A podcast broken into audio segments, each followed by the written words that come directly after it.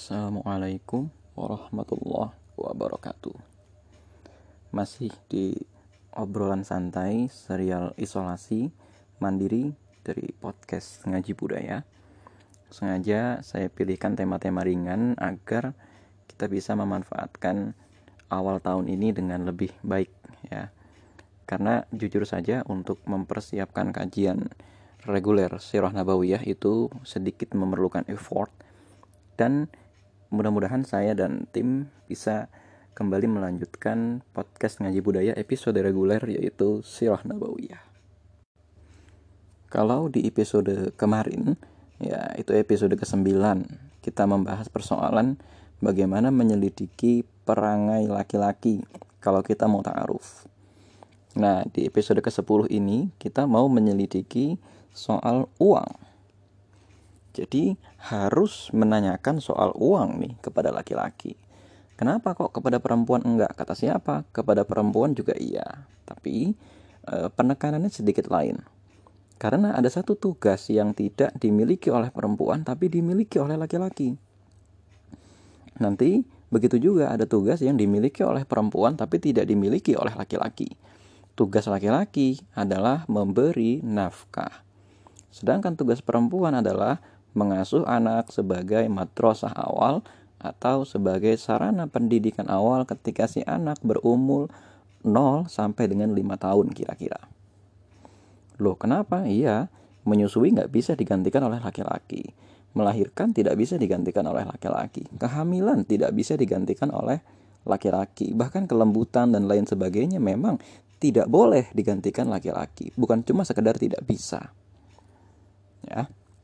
Nah, begitu juga ketika sang ibu sedang mengasuh anaknya. Di sini terjadi keseimbangan. Ya, keseimbangannya di mana? Sang ayah mencari nafkah. Apakah ini menunjukkan kelemahan perempuan? Tidak. Ini menunjukkan kerjasama. Ini menunjukkan pembagian peran. Tidak ada satu muslim pun yang mengatakan perempuan di rumah mengasuh anak itu lebih rendah daripada suami yang keluar untuk mencari pekerjaan. Karena dalam Islam, tidak pernah seorang muslim diukur berdasarkan apa profesinya dan berdasarkan harta yang dia punya. Teori feminisme atau teori liberalisme dan sekularisme, sekularisme ya, yang mereka itu kan dasarnya menyatakan derajat manusia berdasarkan pekerjaan yang dia punya atau berdasarkan harta yang dia punya sehingga yang terjadi adalah ketika manusia tidak bekerja atau ketika seorang ibu ada di rumah mereka mengatakan yang satu lebih hina daripada yang lain, yang di rumah lebih hina daripada yang berangkat kerja. Karena memang sejak awal mereka menempatkan yang namanya jenis pekerjaan sebagai salah satu patokan derajat manusia. Jadi mereka sendiri sudah salah standar. Dalam Islam, derajat manusia tidak ditentukan dari apa jenis pekerjaannya, akan tetapi dari jenis moralnya dari kedekatannya kepada Allah Subhanahu wa taala yang diekspresikan dalam bentuk yang pertama ibadah, yang kedua akhlak. Jadi dalam Islam, kalau orang punya karir yang tinggi tapi dia bejat dan dia jauh dari Tuhan, dia bukan seorang yang baik. Nah, tapi kita kembali kepada pembahasan awal kita. Kenapa kita harus menyelidiki lebih jauh soal uang dan apa saja yang diselidiki dari persoalan uang? Terhadap seorang laki-laki. Pertama, karena laki-laki nanti akan menanggung nafkah. Dari sini seorang perempuan ya dia akan mampu menakar kira-kira laki-laki ini sanggup nggak menafkahi saya atau dia sanggup secara umum menafkahi seorang perempuan akan tetapi e, cocok nggak atau pas nggak cara dia menafkahi dengan cara yang kita maksud nah, ya jadi kita uji yang pertama yang pertama jelas kita harus menanyakan apa pekerjaannya. Ya, apa pekerjaannya? Ini pertanyaan paling mendasar dan penting. Ya, sebagai patokan, seseorang yang bekerja di sektor pendidikan, ya rekan-rekan sekalian, adalah seseorang yang pertama tingkat kenaikan gajinya sampai dengan 10 tahun ke depan itu ketaker. Ya, keluarga besar saya adalah keluarga besar guru dan begitu juga e, lingkungan sahabat-sahabat saya sebagian besar adalah guru karena saya uh, dari Universitas Negeri Jakarta dan saya sejak tahun 2012 itu sudah mengajar. Saya tahu ya, sejak tahun 2012 sampai hari ini standar gaji guru segitu-gitu aja. Adapun adanya kenaikan, itu bukan kenaikan gaji tapi kenaikan tunjangan. Itu pun sulit sekali melalui proses yang berdarah-darah dengan persyaratan yang cukup berat. Tidak hanya orang mengajar dapat uang. Enggak, enggak seperti itu. Itu yang pertama ya, jenis profesi guru itu memang uangnya enggak banyak. Itu yang pertama. Yang kedua, jenis profesi-profesi lain yang sifatnya kedinasan itu juga uangnya tidak terlalu banyak ya Beda lagi kalau rekan-rekan sekalian misalnya bertaruh dengan seorang pedagang. Namanya seorang pedagang itu tergantung giat dan malasnya orang tersebut. Nah, pertanyaan selanjutnya adalah boleh nggak nanya gaji?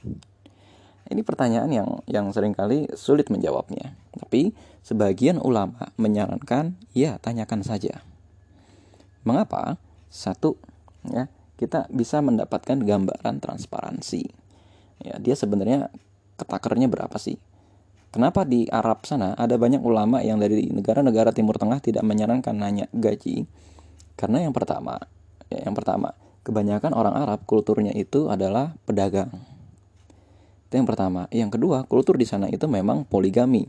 Poligami itu syariat Islam. Tapi memang ada syariat Islam yang juga menjadi kultur. Di Arab, poligami menjadi kultur. Di Indonesia, poligami tidak menjadi kultur.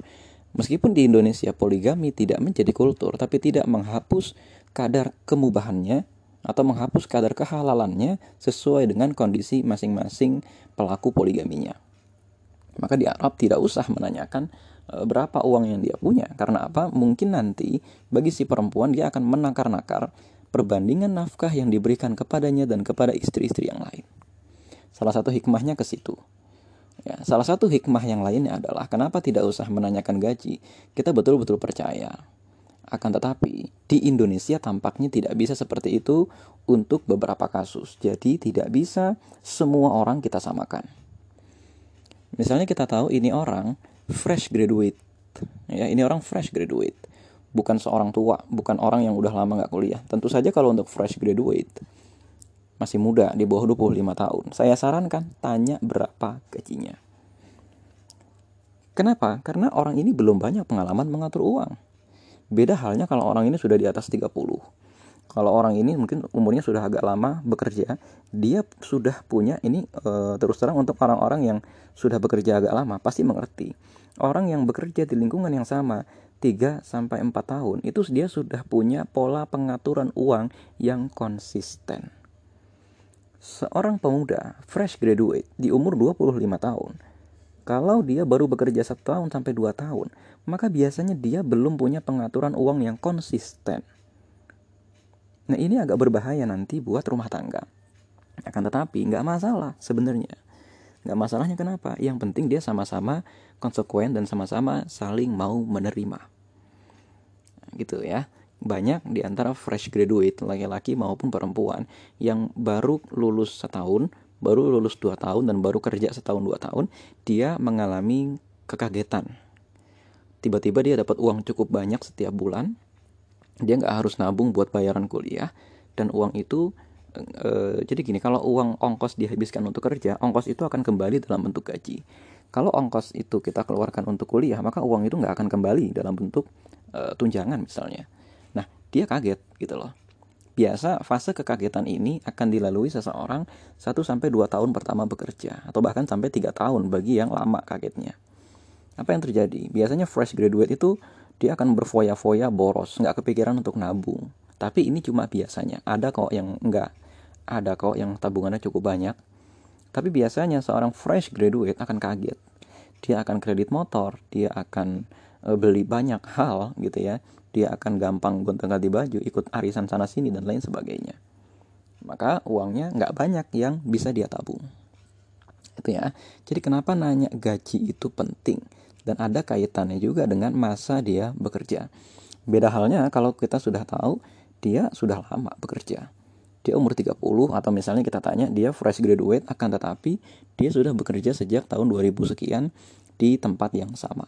Nah, ini urusannya lain yang kedua kita tanyakan dia uh, misalnya gini uh, clue aja dalam sebulan pengeluaran antum paling banyak atau tiga besar pengeluaran antum dari gaji ke mana satu yang menjadi garis bawah saya semua laki-laki pasti tidak siap menghadapi pertanyaan semacam ini. Ya iyalah, kaget. Ketika ta'aruf pasti laki-laki membayangkan akan ditanya punya riwayat kesehatan apa, dulu pernah petualangan ke mana, pernah nyapres berapa kali, paling begitu pertanyaannya. Tapi ketika dia ditanya, dalam sebulan pengeluaran paling banyak, ya tiga pengeluaran paling banyak buat apa? Dia kaget. Nah, seorang laki-laki yang sudah siap menikah, ya biasanya dia akan punya pengeluaran mirip seperti orang yang juga sudah menikah. Dalam hal ini penting untuk bertanya kepada orang tua atau juga penting bertanya kepada paman atau sepupu yang sudah menikah. Sebenarnya kalau orang sudah menikah itu, pengeluaran tiap bulan itu biasanya habis yang pertama untuk satu makanan pokok, yang kedua ongkos, yang ketiga cicilan tetap. Cicilan tetapnya apa saja? Kontrakan, atau dia punya motor misalnya, atau dia punya pulsa yang itu harus keluar terus, atau listrik itu kan cicilan tetap. Listrik itu artinya pengeluaran-pengeluaran tetap yang sifatnya bukan makan, bukan juga ongkos. Nah, sisanya baru dah itu nanti dia jalan-jalan dan lain sebagainya. Itu kita harus tanya, biar apa? Biar kita bisa menyelidiki ini dia pola pengaturan keuangannya bagaimana.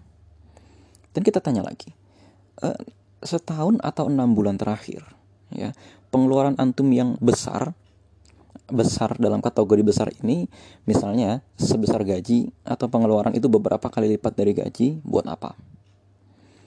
Ya nggak masalah kalau nanti dia jawab buat jalan-jalan dan lain-lain sebagainya. Akan tetapi kita bisa menilai nanti dia sebenarnya cocok nggak dengan kita. Lagi-lagi garis bawah saya di sini bukan benar atau salah tapi cocok atau enggak dengan kita ada kok yang cocok dengan laki-laki petualang, nggak masalah, jawablah sejujur-jujurnya. Bagi laki-laki yang mendengarkan podcast ini, jawablah sejujur-jujurnya. Kenapa? Namanya juga nyari yang cocok. Jangan menipu. Dalam arti, ah, pasti dia maunya pengeluaran saya ke sedekah apa dan segala macam. Eh, belum tentu. Ada nanti perempuan yang akan berpikiran bahwa, aduh ini orang sedekah melulu, kayaknya nggak sempat main nih saya sama dia. Tapi ada juga nanti perempuan yang berpikiran, dunia orang main melulu kapan sedekahnya dan lain sebagainya. Karena menikah itu bukan benar salah tapi menikah itu cocok atau tidak? Ya kembali kepada pertanyaan yang tadi. Tiga pengeluaran pertama yang paling besar dan pengeluaran apa yang dikeluarkan? Kira-kira setahun atau enam bulan terakhir atau satu bulan terakhir yang jumlahnya cukup besar? Nah gitu ya. Nah pertanyaan selanjutnya. Kita tanya lagi dia punya kebiasaan makan di kafe, di restoran atau nongkrong di warung kopi nggak? Kenapa? Karena kita tahu ya, nanti kita bisa menakar di mana dia biasa nongkrong. Oh, saya biasa nongkrong di Starbucks. Nah, Starbucks itu kan lumayan kopinya. Di sana nongkrong satu orang nggak cukup 50 ribu. Ya, dia punya kebiasaan itu nggak? Yang disebut sebagai kebiasaan sebulan tiga kali atau sebulan empat kali itu baru namanya kebiasaan. Cuman kalau ya paling sebulan sekali itu pun kalau ada rapat sometimes ya paling itu pun kalau diajak kebanyakan juga ditraktir. Nah itu beda lagi urusannya. Tapi kalau dia sendiri misalnya, oh saya ngerjain skripsi nggak bisa kalau nggak di kafe dan lain sebagainya. Boleh nggak kita menerima? Boleh aja. Boros atau tidaknya bergantung kebiasaan seseorang. Tapi ada rumusnya. Itu sekian persen dari gaji nggak gitu loh.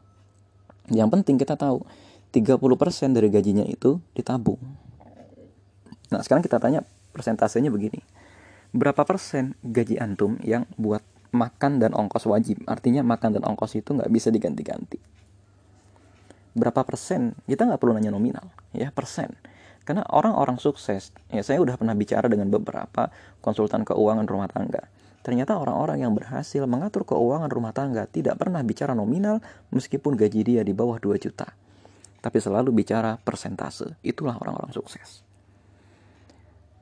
normalnya ya normalnya.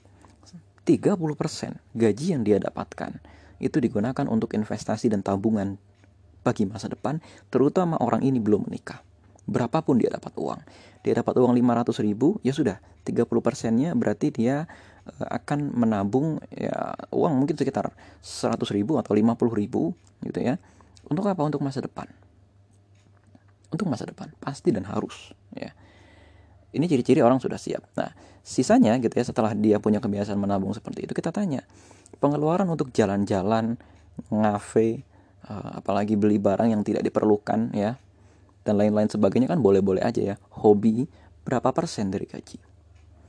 Nanti kita bisa menakar oh dia butuh dia gaji 3 juta ongkos dia 2 juta ya kan udah sama makan dan lain sebagainya.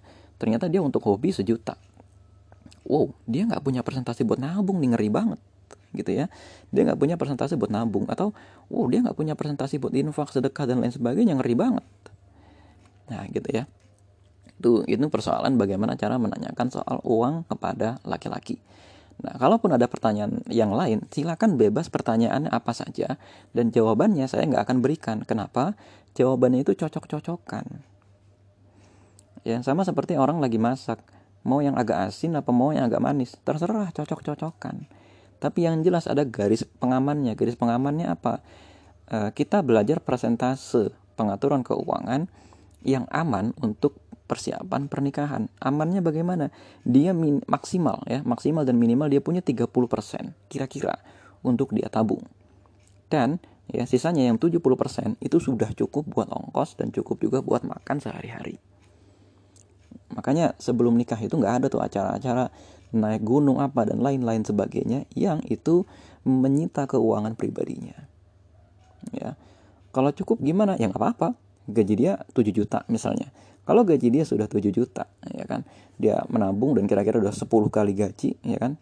Nah, 10 kali gaji dia bisa menabung sekitar 20 juta misalnya dan itu cukup untuk resepsi. Silakan. Kira-kira itu. Assalamualaikum warahmatullahi wabarakatuh.